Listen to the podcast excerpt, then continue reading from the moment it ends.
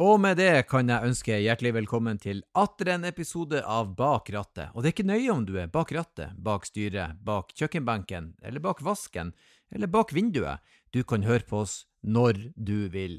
Med min side eh, i showrommet til Bertil i Bjørvika har jeg min faste makker Stein Pettersen. Og hjertelig velkommen, Stein, til deg også. Går det bra? Ja, det går kjempebra. Vi har jo hatt en gedigent spesiell og, og ganske energisk gjest i dag. Ja, eh, det er eh, noen ganger så folk er Altså, det, jeg, krølla tærne, og strømpene mine krølla seg i lammet når han eh, tok løs og begynte å fortelle og snakke, og det var usedvanlig interessant og artig. Og jeg tror det er første gangen vi har hatt en gjest i studio som faktisk Han visste ikke om han hadde lappen første gangen han mista den. Nei, og han har i tillegg flasha blålys eh, mot politiet og, og brukt det for å komme seg kjapt gjennom tunnelen når han har det travelt. Og i dag så jobber han som finansakrobat etter å ha vært eventyrer, av alle ting. Ja, og mens han var eventyrer, så åpna han jo sånn ordentlig skurkekonto i Sveits, så han har prøvd litt forskjellig, da. Dagens gjest er ingen andre enn den fantastiske, den eksepsjonelle Alex Rosén. Eh, historia, det hadde han nok av. Eh, det er bare å nyte. Dette er en skikkelig godbit, folkens.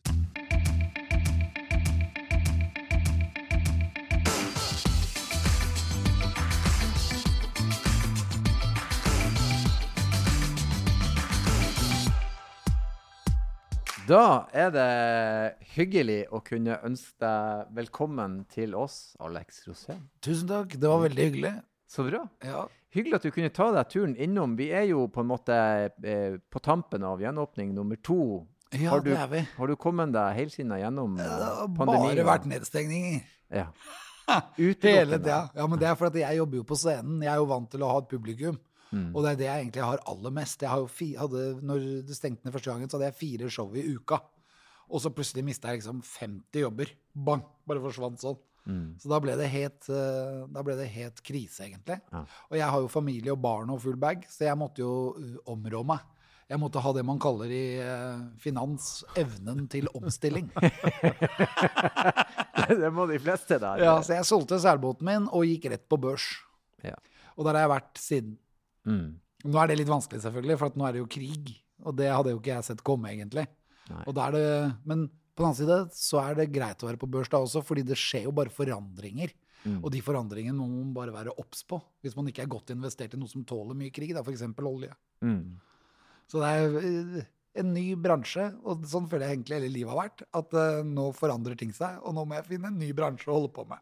Jo, men jeg tror du har mye rett i det, for det er jo det livet egentlig Det er jo en, en rekke med utfordringer som blir kasta på deg. Altså Spørsmålet er hvordan forholder jeg meg til det, hva gjør jeg? Ja, og det har vært veldig kinkig akkurat de siste årene. nå. Mm. Men eh, jeg var jo heldig. Jeg fikk jo jobb hos eh, Finansavisen, hos Trygve Egnar, og lagde da Aksjeskolen.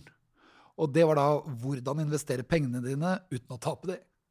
Det er helt nydelig. Jeg tror vi skal snakkes ganske mye, for jeg har en lei tendens til å søle vekk alt jeg tjener. Jeg trenger råd. sånn. Ja, er, Jeg kunne ønske at jeg var så fornuftig som jeg er nå når jeg var 20. Ja. Da hadde jeg vært rik. Ja. Og det, det, det er egentlig en oppfordring til alle som er 20 år.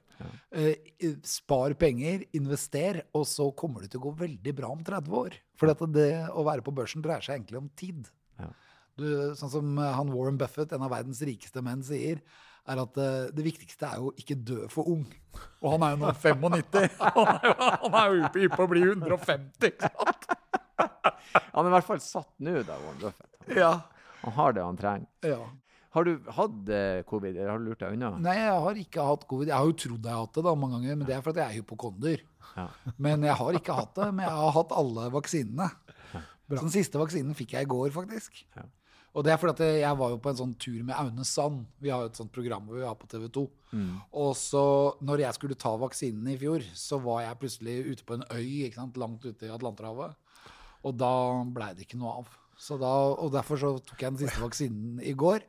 Og legen min han er jo helt hinsides. Han sitter med bandasje på begge armene og aner ikke hvor han skal sette den sprøyta. Så jeg har jo fått en lege fra helvete. Jeg tenker at uh, når omikron kommer finner ei øy, og der er Alex og Aune Sand, så tror jeg omikron bare tenker at eh, her har jeg faktisk ikke noe å gjøre.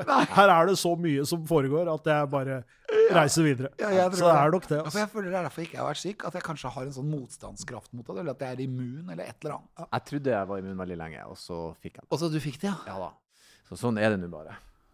Men eh, ja, vi skal snakke litt bil. Bil er veldig bra. Bil er veldig bra. Vi er jo eh, Vi har eh, en ganske sånn fast parameter der vi stiller gjesten spørsmålet Anser du deg sjøl som et bensinhue eller ikke?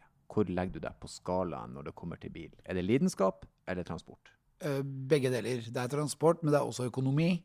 Det er lidenskap fordi det dreier seg om kjøreegenskaper. Ja.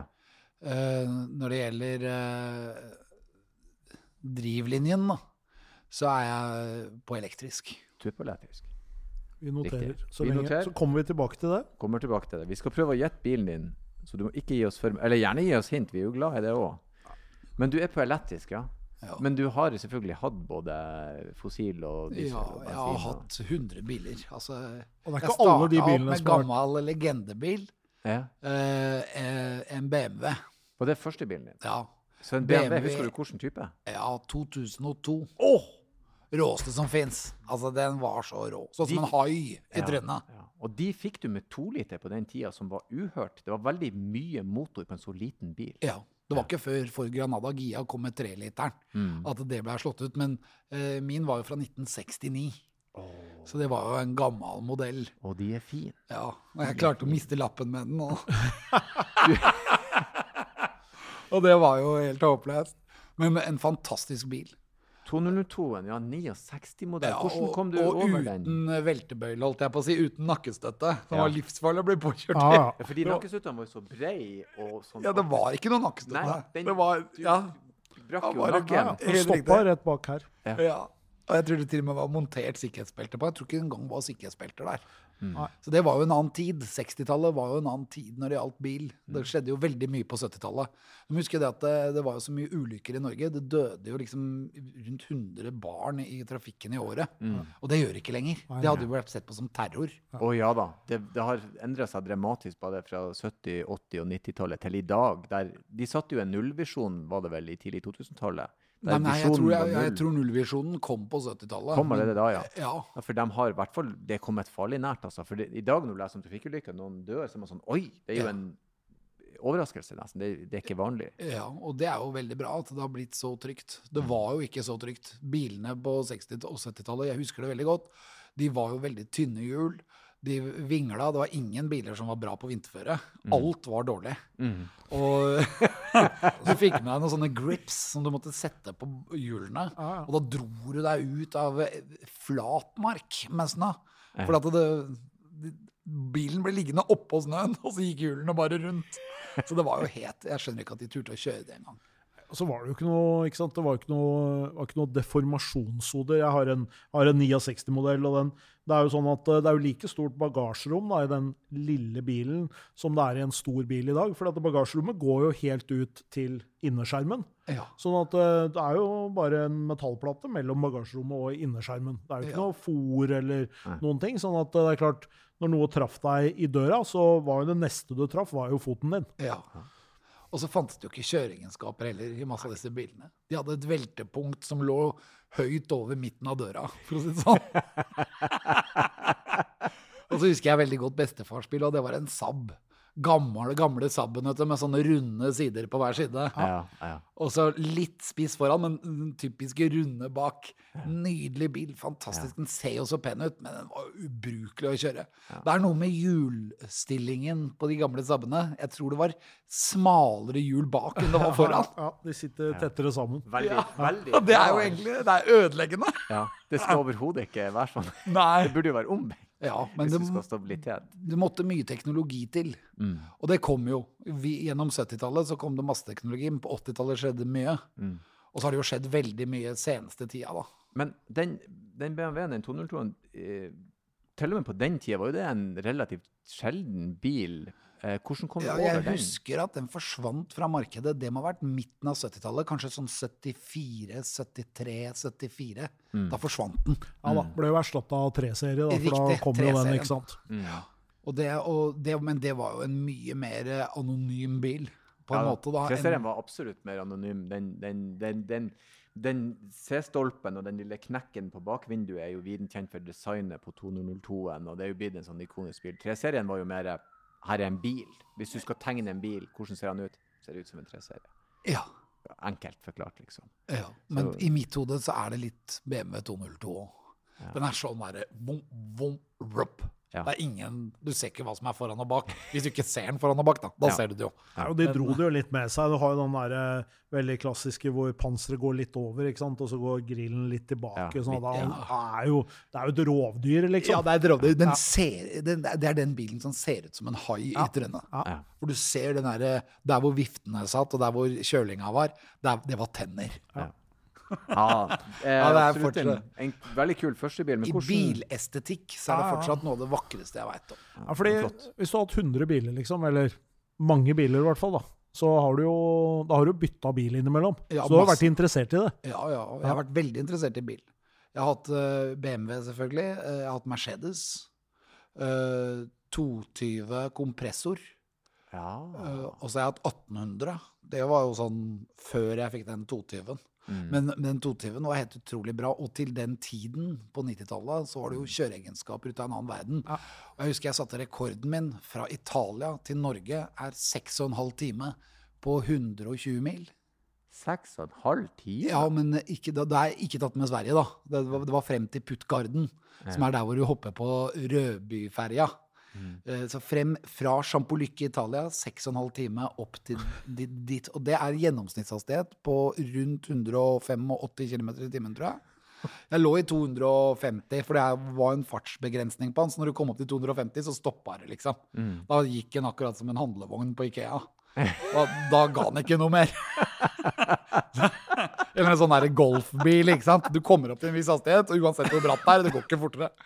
Og det, og, men eh, jeg lå jo der hele tida. Hele tida. Og husker jeg at eh, etter to timer omtrent, så måtte jeg fylle bensin. Ja. Det er klart, da ligger han jo bare og hamrer unna og jobber og jobber. jobber, jobber, Ja, ja. Og så hadde vi kjørt om natta, så det var jo ikke en bil på veien. ikke sant? Og du kunne bare ligge i den farta hele tida. Og de er veldig høflige i, uh, Tyskland. Sånn at med en gang disse trailerne De har jo bare et lite øyeblikk hvor de må reagere. Men da må de komme seg ut av de to innerste filene. Mm. Og det gjør de. De er helt rå på det. Ja. For de ser det hvite lyset bak. ikke sant? Og de vet at det, hvis det er en vanlig bil da, som kjører i Tyskland, så er den forbi meg om ca. ett sekund. Vom, så er de forbi. Ja. Så det er, og jeg elsket å kjøre i Tyskland. Det var en drøm. Så jeg dro veldig mye til Tyskland og kjørte. I stedet for å ta fly, tok jeg bare skia inn i bilen og dro nedover. ja. Og kjørte på skiferien. Bare for Ja, ja, ja. Jeg husker jeg kom til Italia første gangen, så kjøpte jeg et lite italiensk klistremerke for å ha det bak på Mercedesen. Ja. jeg syntes det var sexy. Ja. Bare for det italienske flagget har en sånn e egen Det grønne, hvite, rød. Det er, det, det- og det, det kommer igjen Ja, ja. i Alpine. Ja, ja. Og så kommer det igjen i Lamborghini og alle disse italienske fantastiske sportsbilene. Så det flagget, det er det vakreste flagget, i tillegg til nasjonaldrakten i fotball til Italia, som er asurblå, altså den litt mørkere enn en den lyseblå. Den hadde jeg på, som spinnaker på seilbåten min. Jeg fikk det sydd egen spinnaker som italienske flagget nederst, akkurat som jeg hadde i bilen, og med den blå landslagsdrakta til Italia. For det, det er som Argentinas landslagsdrakt. Det er vakkert. Ja, det er vakkert. Ja, det er vakkert. Er- Nå preker du til koret. Her er vi absolutt med. Ja. Men det kom det som er så kult med bil, er at bil er en Det er passion. ja. Og det er, det er akkurat som en båt. Ting skal stemme, ting skal stå i forhold til hverandre. Mm. Og eh, bil er lekkert, da. ja. Nesten uansett hvordan type bil det er. Ja, og det liker jeg òg, for jeg òg har funnet ut at uansett typer bil jeg har kjørt, forskjellige prisklasser, så finner jeg alltid noe jeg liker med hver enkelt bil. Det er en liten ting som er gøy, eller det var, det var litt finurlig, det var litt festlig. Det var litt får gøy, du deg en. Lada, så blir du glad i varmeapparatet. For det er på hele tida.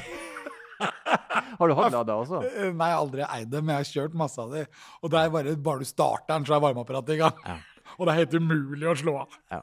Jeg kjørte en Lada Niva der du har følelsen av å bli kokt i det øyeblikket. Det blir ja, ja. varmt med én. Sånn er det i Sibir. Ja. Det må være sånn. Det, Ja. den er laget All in. All in. Eh, ja, 220 kompressor, det, men, for det kan jeg òg huske i den tida på 90-tallet, hvis du så det sto kompressor Så var det sånn Oi, det, det er kompressormat. Her snakker vi en som har Han vil ha noe litt ekstra. Ja. Og det var jo også ekstra. Det var jo en veldig hissig bil til den tiden. mm. Og, og så hadde den denne Mercedes-luksusen som Mercedes er så bra på. Mm. Så, og det gjelder egentlig seter og eh, spesielt også fjæringer og lyd utenfra. Mm. De, de demper det jo med sånne matter overalt. Men klart når du skal kjøre da, så, og da gjorde jo faktisk du det, det den bilen er tenkt til. Kjør fort på autobahn. Du, det skal være luksuriøst, det skal være trygt, det skal føles behagelig. Eh, og det er jo de bilene, de tyske bilene er laga for. Du lå i 220 forbi Frankfurt am Main, og det var som å kjøre i 60. Ja. Bare at du lå i 220. Så det er jo Det er skapt for det. Og de, de var veldig tidlig ute på det.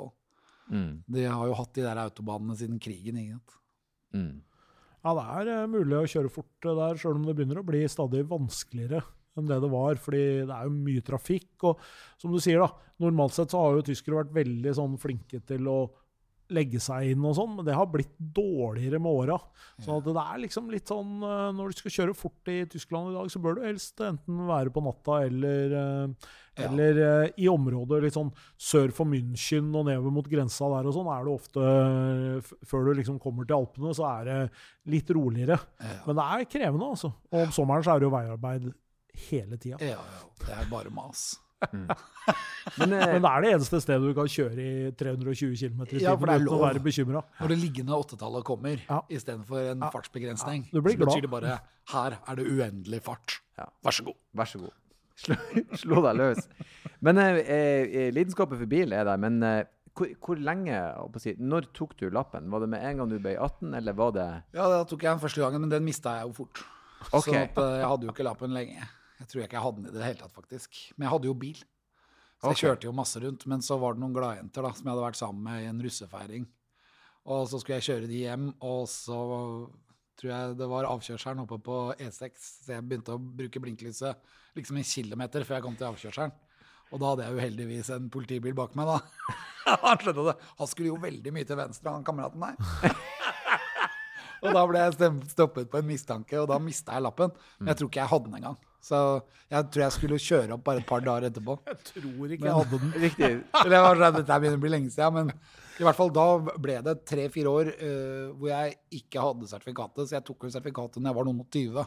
Mm, mm. Og da hadde jeg en uh, Ford Escort til å begynne med. Oh, ja. En uh, veldig dårlig bil. Det var som en sånn blanding av varebil og Ja, en Ekspress. ja, en sånn Escort. Ekspress. Ja, sånn, den hadde både ba stort bagasjerom, ja. for at det var jo, men den var jo så liten Ja. at det bagasjerommet var jo egentlig ubrukelig, selv om det var stort. og så hadde den en sånn utrolig uvane med å take med den bilen. Og det, jeg, jeg taka den bilen tre ganger. Legger merke til at det var bilen som hadde den uvanen. Ja, men den hadde veldig dårlig balanse. Det var sant, du, Bare du havna litt utafor veien, så, Så måtte den velte, liksom. jeg har taka masse biler, men eh, den, då- den beste bilen å take med er faktisk de gamle Triumphene. Hvis du husker de Triumphene som var på 70-tallet. Ja. De er tunge bilene. Men den var jo like tung i taket vet, som han var i bilen. Sånn at når du landa på taket med den, så var det ikke noe merker etterpå. Det var jo fordi eskorten ble jo bare flatere og flatere i taket. Så det ble sånn knekk i vindus... Det, det som holdt vinduet. ja. Men. Triumphen, den hadde ingen knekker i taket. Husker jeg og Jon Skau, vi taka en Triumph oppe på oppe på, i Groruddalen og ramla ned to veibaner ikke sant, og kom ned på en vei som var liksom nedafor hele fjellet. Og da landa vi på, og da tenkte vi at vi må nesten si fra til han eieren at vi har taka. Ja, men det er jo ikke noen merker, vi bør ikke si fra da, vel. Så han fikk igjen bilen sin. Han, vi hadde jo sklidd liksom 150 meter på taket er sånn, jeg, jeg glemmer det aldri. Men det, den Ford Escorten den hadde et eller annet balansesvikt. Ass. Det, var, eh, det var virkelig en dårlig bil. Ass. Så det er den dårligste bilen jeg har hatt av alle bilene. Men det var jo en veldig billig bil. Da. Det er det man kan kalle eh, E-segmentet eller D-segmentet. eller jeg vet ikke, Når man kommer ned på det aller laveste. Mm. Og det var jo en bil som var beregna for å kjøre frukt. Det var jo ingenting annet som kunne bli brukt i den bilen her. Og veldig lite frukt, da, siden den bagasjerommet var ubrukelig. Men- Når jeg ble kvitt den, da, så var da jeg fikk denne, disse Mercedesene som jeg hadde på rekke og rad. Jeg hadde vel tre Mercedeser eller noe. Og så fikk jeg en bil som jeg fortsatt er veldig imponert over, og det er store amerikanske biler. Og da spesielt da i, eh, i det som het, nå heter Sport Utility Vehicle, SUV-er. Men egentlig så er det Jeep, ikke sant. Jeg hadde Jeep. Og det var jo fantastisk bil. Den drakk jo 3,5 liter på mila. Så den hadde vært helt ubrukelig å ha nå, for det hadde kosta 100 kroner å kjøre en mil. Men det, og det er bare å, å glemme. Jeg, jeg kan ikke ha sånn bil igjen. Men eh, den, var, den hadde en Det er noe med komforten i amerikanske biler som på en måte er litt dårlig sånn kjørehenseensmessig, men som menneske å sitte inni, det er ingenting som slår det. Til og med ikke Mercedes. Fordi de, det er en, du skal føle at du er fra Hollywood, liksom. Og så skal du sette deg ned, og så hadde du sofa Ja. istedenfor kjøresete. Så alle kunne sitte i sofaen. Ja.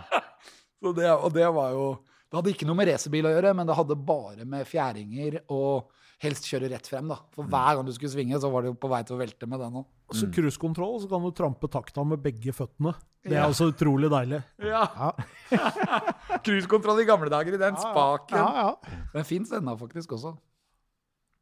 Ja, den, den, men det er jo også en, den jeepen er jo en ikonisk Ja, Jeep. Jeg hadde både den Grand uh, Cherokee. Cherokee, Ja. og så hadde jeg den vanlige Cherokee. Men de var også Jeg husker de var jævlig bøs. Alle ville ha den Grand Cherokeen der. Og det, Ja. det var jo en sinnssykt tøff den, den fronten er jo veldig ikonisk, og de fleste som er glad i bil, har jo også hatt lyst på en sånn type bil. Du kjører jo faktisk akkurat uh, i dag Du har jo nettopp Kjører, fått deg kjører en, Wrangler. en Wrangler, en rød. Ja, Det er jo egentlig Sydenbilen. Det er den du fikk på Gran Canaria. Det. Ja, denne er Uh ja, det er eh, fantastisk. Så det er noe med det. Det kommer jo en helt ny Grand Cherokee seinere i år.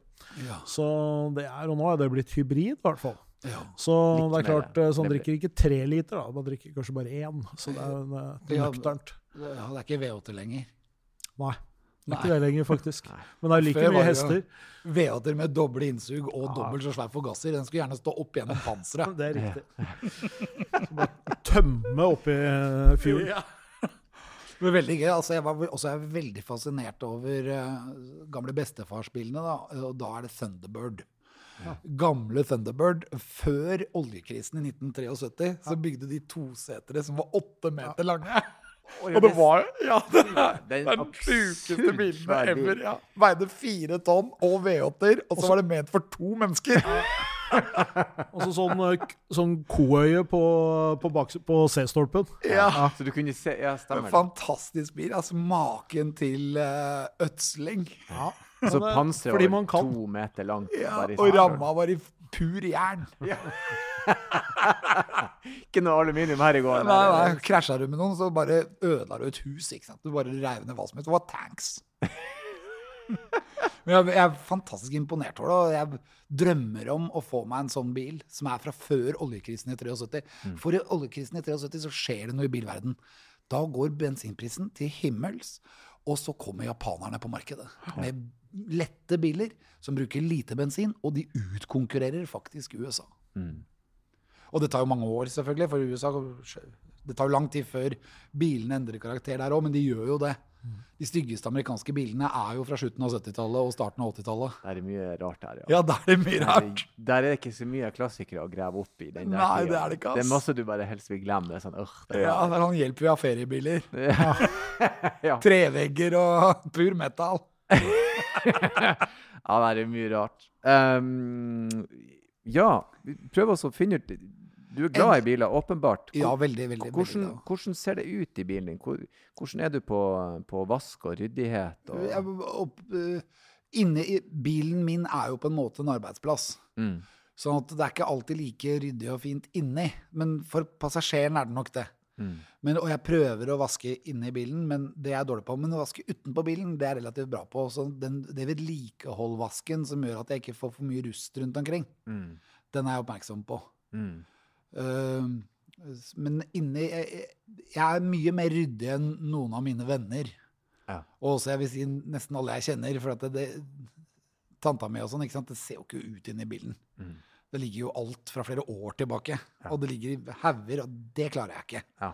Så det må være en slags ryddighet. Men Det skal jo ikke mer enn en colaflaske til, så ser det uryddig ut. Så derfor så Det kan hende at det gjør i min bil, men det er relativt ryddig. Jeg liker det. Og så liker jeg at det skal være funksjonelt. Men jeg er heller ikke en sjåfør, altså en yrkessjåfør, som skal ha inn folk i bilen, og så skal de føle at de kommer inn i en dyr taxi.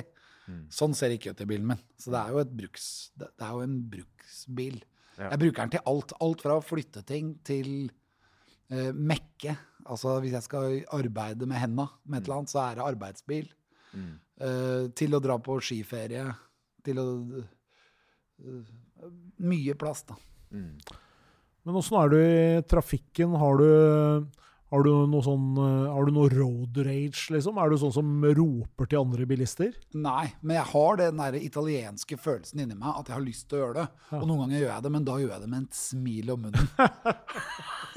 jeg kjenner at jeg blir forbanna, også, men jeg må le av meg sjæl. For det blir sånn Du kan ikke bli sur for det her. Så egentlig så blir jeg ikke sur.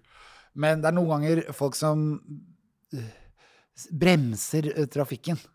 Og, og gjør det med vilje. Enten for at de ikke vet hvor de skal, eller eh, at de roter. Eh, Det kan irritere. Men jeg blir ikke forbanna for det. Jeg, jeg har lært meg, egentlig i min rolle som far, at jeg ikke skal eksplodere.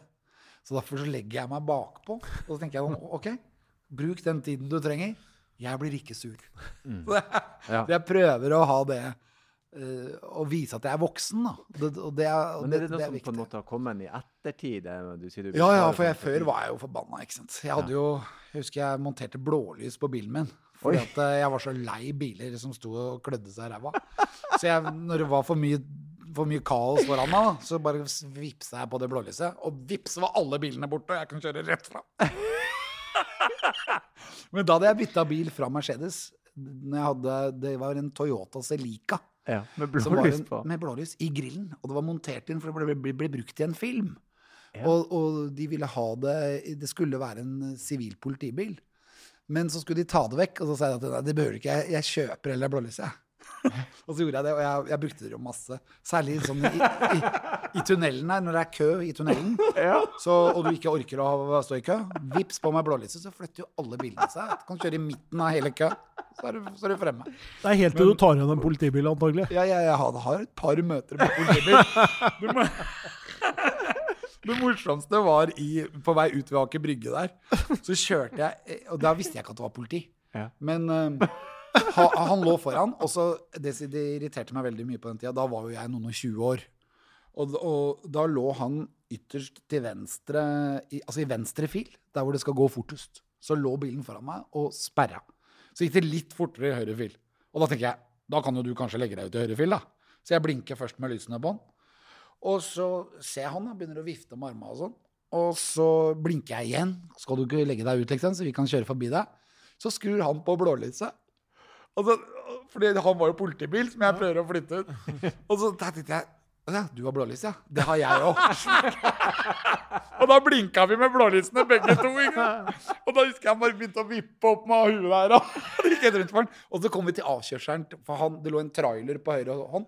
Så jeg vippa bak traileren, og så kjørte han videre ut av tunnelen. Og så kjørte jeg av ved Aker Brygge der. Lurt. Jeg så han, ja, jeg måtte, han kunne ikke se meg igjen. Veldig lurt. Uh, Ja, han må du ikke møte. Nei. Så det var, min, det var slutten av mitt aggressive liv som sjåfør. Men jeg vil, jeg vil i dag kalle meg mye mer dynamisk. At jeg vil være en player. En som er med de andre bilene. Ja. Så jeg ligger ofte i lik hastighet som de andre bilene og glir inn og ut av situasjoner uten å virke aggressiv. Ja. Og det er jo bare for at jeg er blitt mer voksen. Men eh, det beste landet å kjøre bil i er faktisk USA, når det kommer til akkurat det. For der kan hele trafikken ligge i 110 km i timen, og det er lett å manøvrere mellom bilene, og alle slipper deg til. Den derre sinte vikingveien som vi holder på med her, den er ikke- ikke-eksisterende i USA. Og det er fordi at du kan ikke bli sur på han som kjører der, for du veit ikke hva han har inni bilen sin. Om han vipper opp en minigun og bare legger deg for grus. Det er best å ikke være aggressiv. ja, og da er det helt riktig. Ja.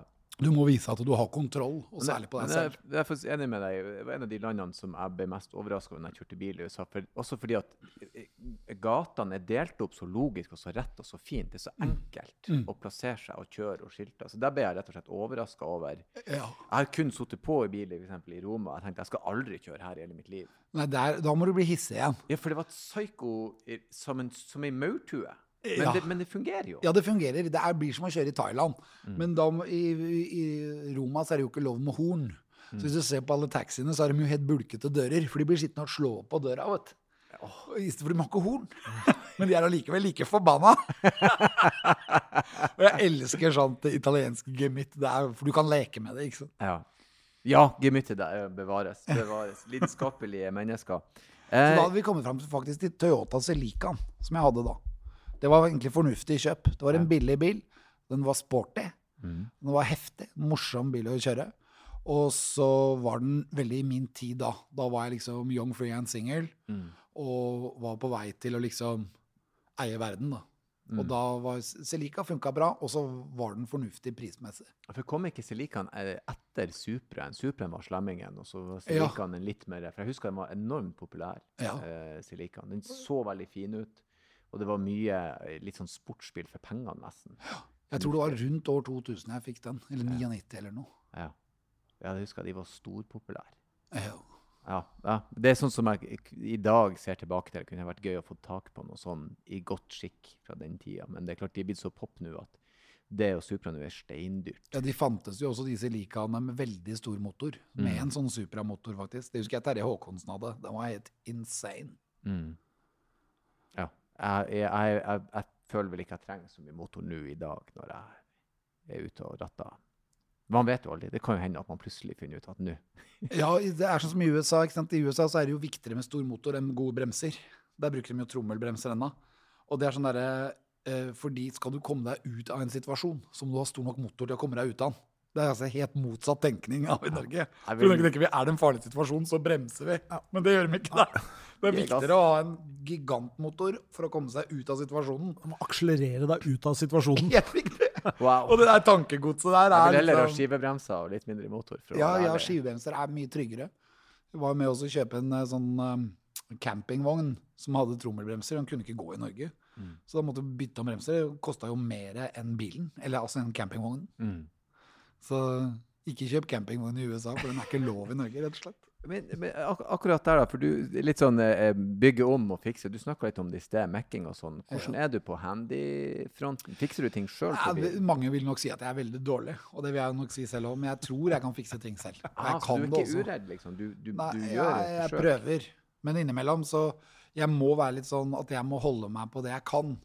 Og innimellom så tenker jeg sånn at skal jeg bruke nå tre uker på å fikse det taket der, eller skal jeg få en som kan det til å gjøre det nå kjapt, så jeg kan dra på jobb?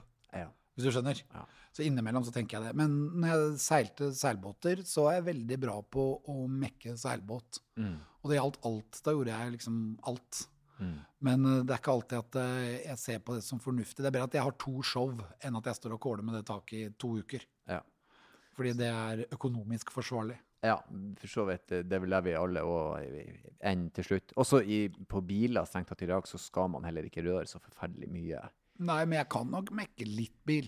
Mm. Og så liker jeg jo gamle veteranbiler. Jeg liker gamle lastebiler. Ja. Chevyer og Mm. eh, sånn à la Ram i dag, da. Eh, Dodge. Ikke sant? Sånne biler som har lasteplan. Mm. Pickup, rett og slett. Pickuper, ja. Mm. Elsker det. Mm. Er sånn Jeg kunne vært en farmer ikke sant? og jobbet på et jorde. Og sjekka om det er bra korn her. Ja. Og så kjøre bilen ditt. Ja. Kjøre rundt i pickupen. Ja, ja, Og så bare kaste ting på lasteplanet. Det er så nydelig. Så Ja. jeg, var, jeg har jo en drøm om å få meg en sånn bil som kong Olav hadde i gamle dager. Altså en, eh, en pickup fra 1965-1960. Mm. Det er litt så pene. Det er jo verdens peneste biler. Mm. Og det er samme hvilket merke, bare den amerikansk. Ja, de, men de bilene er ekstremt pene. Og de var laga Bare formene og, og panseret og krummen og alt. Ja. er- Det ser badass ut. I starten så hadde de ganske små motorer òg, men så kom det jo litt bedre motorer etter hvert. Men jeg husker veldig godt Olav hadde en sånn en. Mm. Eh, hvordan eh, anser du deg sjøl som eh, sjåfør? Hvis jeg hadde sagt det på en skala fra én til ti, hvor plasserer du deg henne, og hvorfor? Nei, jeg har jo vært sjåfør innimellom. Eh, Nå var det jo Kong Harald hadde jo utdeling av medaljer til disse gamle krigsveteranene fra annen verdenskrig.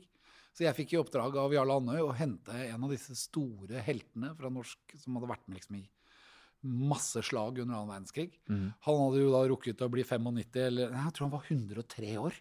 Han var veldig gammel. Og jeg kjørte han til Oslo. Han fikk møte kong Harald. Jeg satt i bilen. Bilen til Jarle knelte jo selvfølgelig, for han skal jo alltid kjøpe noe som er billig. Og denne, denne bilen den hadde jo da ikke førstegir. Den hadde andre gir, ikke tredje gir, men den hadde fjerde gir. Og eh, på den samme rekka så satt jo reversen, så det, reversen virka ikke. Og så kjørte jeg inn foran her. Og jeg husker jeg ble stående bak en buss, og så kommer politiet, da, for det var politi overalt. Og det var eh, antiterrorpoliti, og det var maskingevær. Og for der, der sto jo Erna Solberg, og så sto kong Harald der. Og så sier politiet kan du kjøre ut der? Nei, det kan jeg ikke, for det er ikke revers. Så jeg må vente på han foran. Og da står liksom Ola Nei, Harald der. Og da er det Jeg står helt i veien, ikke sant. Ingen får gjort noen ting. Og så, står politiet bare sånn Er det ikke revers i bilen din? Nei, det nei, det er ikke det. Nei, ja, da blir du stående. Så jeg ble stående der i halvannen time foran kong Harald, som sto og vinka til disse gutta. Og ingenting skjedde. Og så når jeg skulle kjøre, så var det annet gir. Så da er det jo For å få han til å trille. Og med alle de politifolka rundt. Det var det er, det er noe med at sånne ting skjer meg da, hele tiden. Så som, og så etter at alt dette var ferdig, så ble han spurt, han 103-åringen, åssen han hadde hatt det. Og det er den verste dagen i mitt liv. 103. Han har vært med 103 i 20 slag 103 har vært med 20 slag i annen verdenskrig. Men den verste dagen var når jeg var sjåfør for ham. Så det, det Da tror jeg det er ganske dårlig sjåfør. Jeg tenker, noe på, jeg tenker liksom på, på risikovurderingen til, til Jarle Andøy òg. For det første så velger han med fare for å være fordomsfull, så velger han deg som sjåfør og sender deg ut med en bil uten gir. Og så tenker han dette går bra. Her, her ordner det seg. Ja, Vi klarte å få ham frem, da, men han, han skulle jo tisse også. vet du. Det er jo ikke bare bare å tisse når du er 103 år gammel. Han skulle, jeg, jeg slapp han inn på teateret her i Oslo, og så sier jeg at det er do der inne. Og så er det liksom, det er jo, Du må jo gjennom hele foajeen eller hele det der, der hvor det er garderober for å komme deg til do. Så snur seg mot meg og sier han Tror du jeg er 30 år, eller? Da, vi, vi måtte finne et sted der hvor det var en do ved inngangspartiet. Tror du er 30, det syns jeg. Ja. Han var jo ikke barn. 30 år, han var jo 103. Å, steike ta. Ja, det er bra. Det er bra. Vi, eh, vi, skal, vi skal prøve å finne ut hvilken bil du kjører. Ja. Ja, vi skal det. Og vi, eh, vi har hatt eh, en relativt bra treffprosent i det siste. Vi har ti spørsmål på oss til å prøve å snevre inn og finne ut av det. Vi har allerede klart å få med oss at den er elektrisk, bilen. Så den, det spørsmålet får du ikke. Eh, og det er jeg som eh, vanligvis begynner, og også i dag. Så da spør jeg deg Er bilen din en europeer, en amerikaner, eller snakker vi Asia? Amerikaner. Amerikaner elektrisk. Den skal du bare smashe den. Ja, det er jo en Tesla, selvfølgelig. Ja. Og du har familie, er det en X du har? Ja. Det er, det er så lett arbeid. Ja, det er for, det er for lett. Det er for lett. Det blir for enkelt. Det blir for enkelt. Nei, men det er, den, det er Det kan skje den beste. Ja. Ja, det, men det tok dere fort. Ja. Men det er en insane bil. Mm. Den er helt vill. Jeg har fått, over, nei, jeg har fått nesten 150 hester over på internett. På internett. Ja, jeg kjøpte en bil med 480 hester, og nå tror jeg han har 620 eller 630. Ja. Så det er jo blitt en helt sjuk bil. Det er mye hester. Og så så- så- sånn Congratulations. You got 40 new horsepowers. Oh, ja. Det er sånn, jeg måttet ta bilde, vet du. For det er sånn der, du tror jo ikke det er sant. Og det der opplegget med at bilen blir som en iPhone, da, Mm. med det oppdateringsopplegget. Mm. Og så er det et eller annet med å forstå kunden, at du Bilen snakker jo til meg. Den sender meg e-mails. Mm. Den sier hvis den er misfornøyd, og den sier fra når den vil gjerne ha meg nærmere. Mm. Om morgenen så går jeg ut for å hente avisen. Da går jeg forbi bilen, og da åpner den dørene, for da tror den skal kjøre. Og hvis ikke jeg kommer bort og kjører, så slår den igjen døra ekstra sur. Og så og kommer sånn sur munn. Hvorfor skal vi ikke kjøre, liksom? Og det der at bilen har personlighet, Mm. det er veldig, det har jeg aldri opplevd med noen bil. Mm. Det, og det, for den må prate, så den ville ha et navn, så den heter Bernt. Mm. Bernt. Testen Bernt. Jeg liker Bernt. navnet. Nå er. Bernt sur. Bernt er misfornøyd. Ja. ja, for den vil at du skal gi den et navn.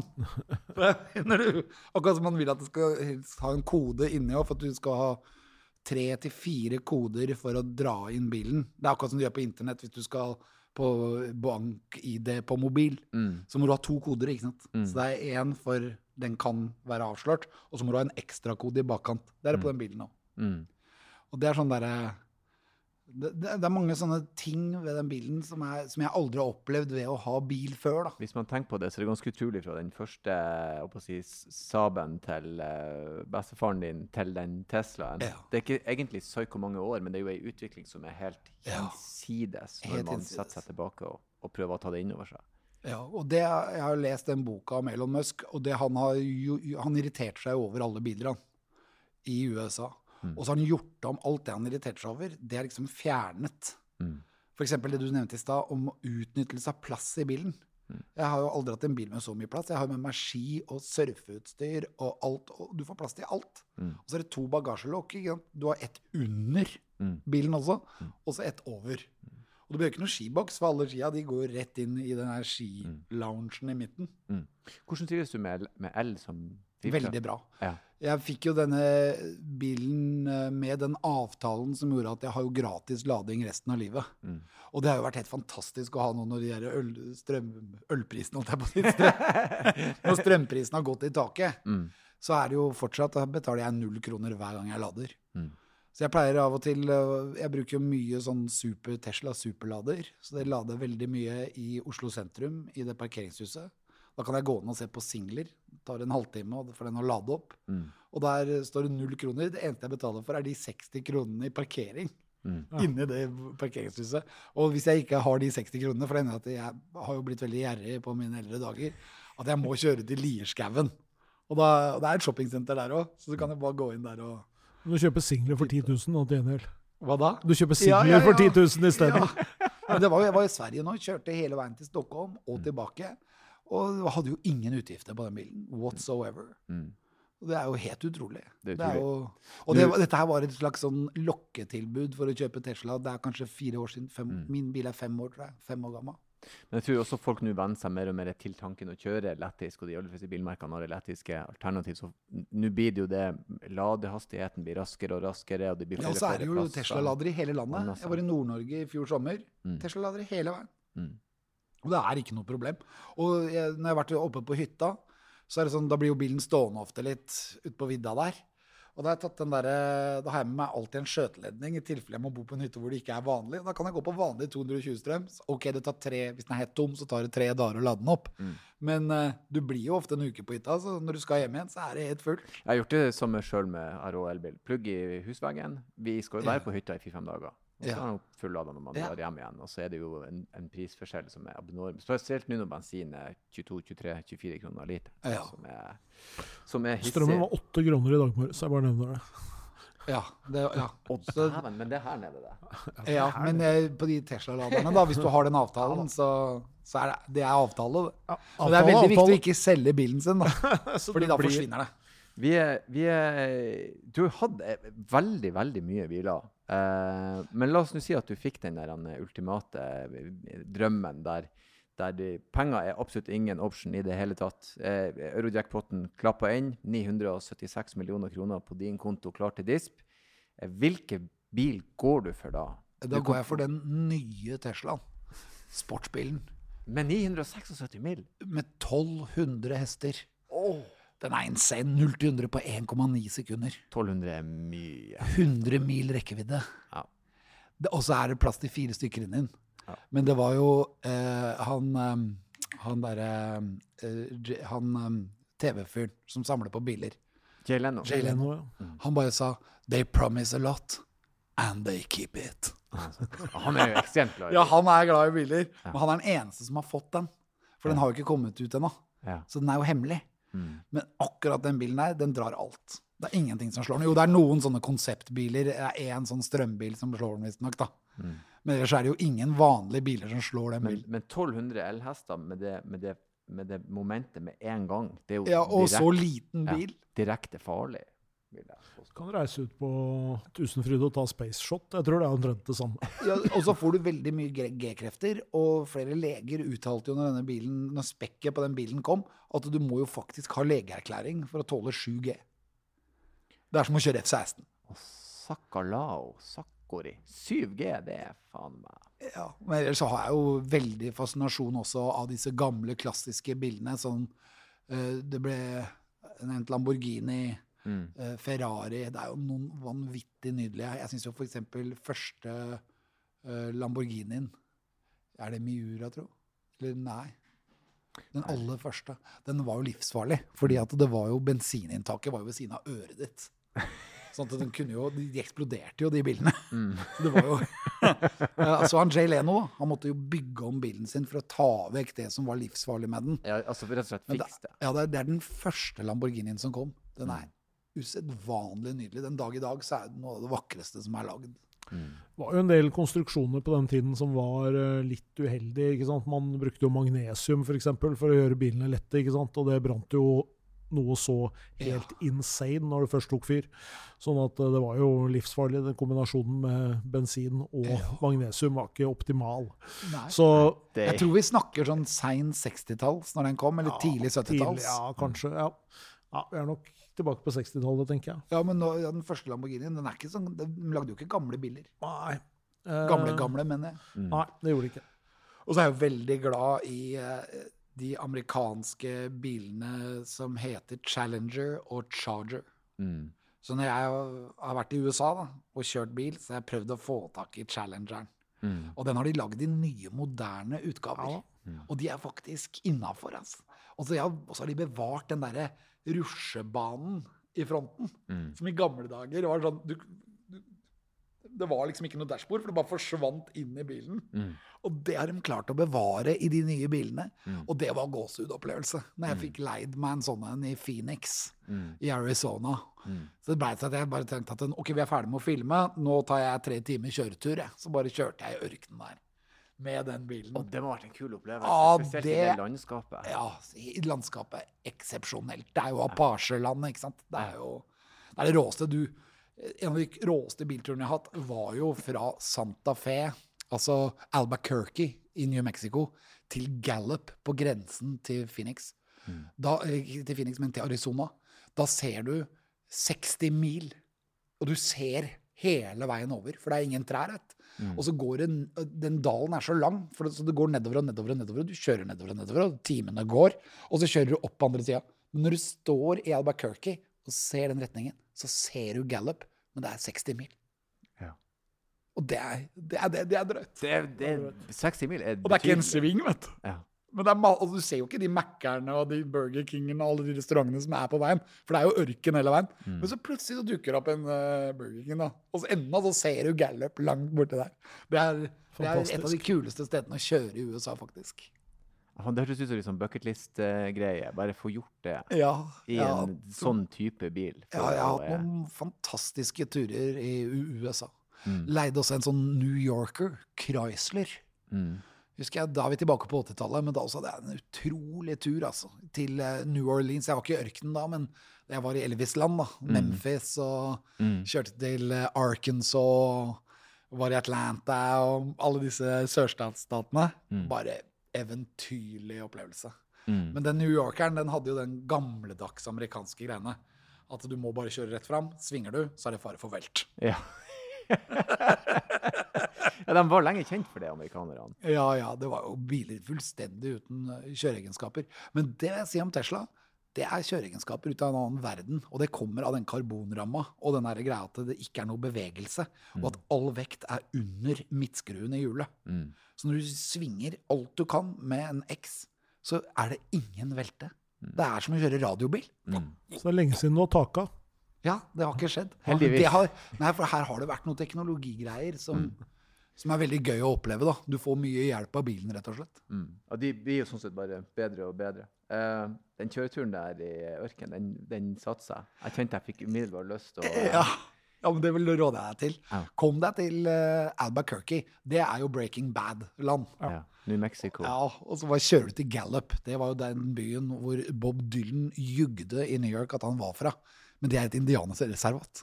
Å, ja. Så der er det sånne trekantskilt, mm, akkurat som vi har med elg i Norge. Mm. Men der er det alkoholtegn og en indianerfjær som går i kryss. Det betyr at her, her går det fulle indianere i veien. Ja, Å, steike. For du kan ikke kjøre på dem, vet du. Jeg har faktisk aldri hørt om eller kunne sett for meg at det var en greie en gang. Men det er Gallup, det er, det er et indianerreservat. Det er en by, men det er et indianerreservat. Veldig eh, fascinerende. Tusen hjertelig takk, mann, for at du kom innom. Det var eh, mange, mange opplevelser i bil. Jeg er glad du sitter her i lag med oss. Jeg har aldri hørt noen legge skylda på bilen for at den taker, men jeg liker tankegangen. Ja, ja. Opplagt bilens skyld. ja, man må bare skjønne at det, noen biler har kjøreegenskaper, andre biler har ikke det. Og desto eldre bil du har, desto dårligere kjøreegenskaper er det. Så man må bare passe seg litt. Ja, Vær klar over det, så går alt eh, bra. Eh, igjen, mann, tusen takk for at du kom innom, og eh, som vi alltid sier, så takk for besøket, og kjør forsiktig. Tusen takk for at jeg fikk komme.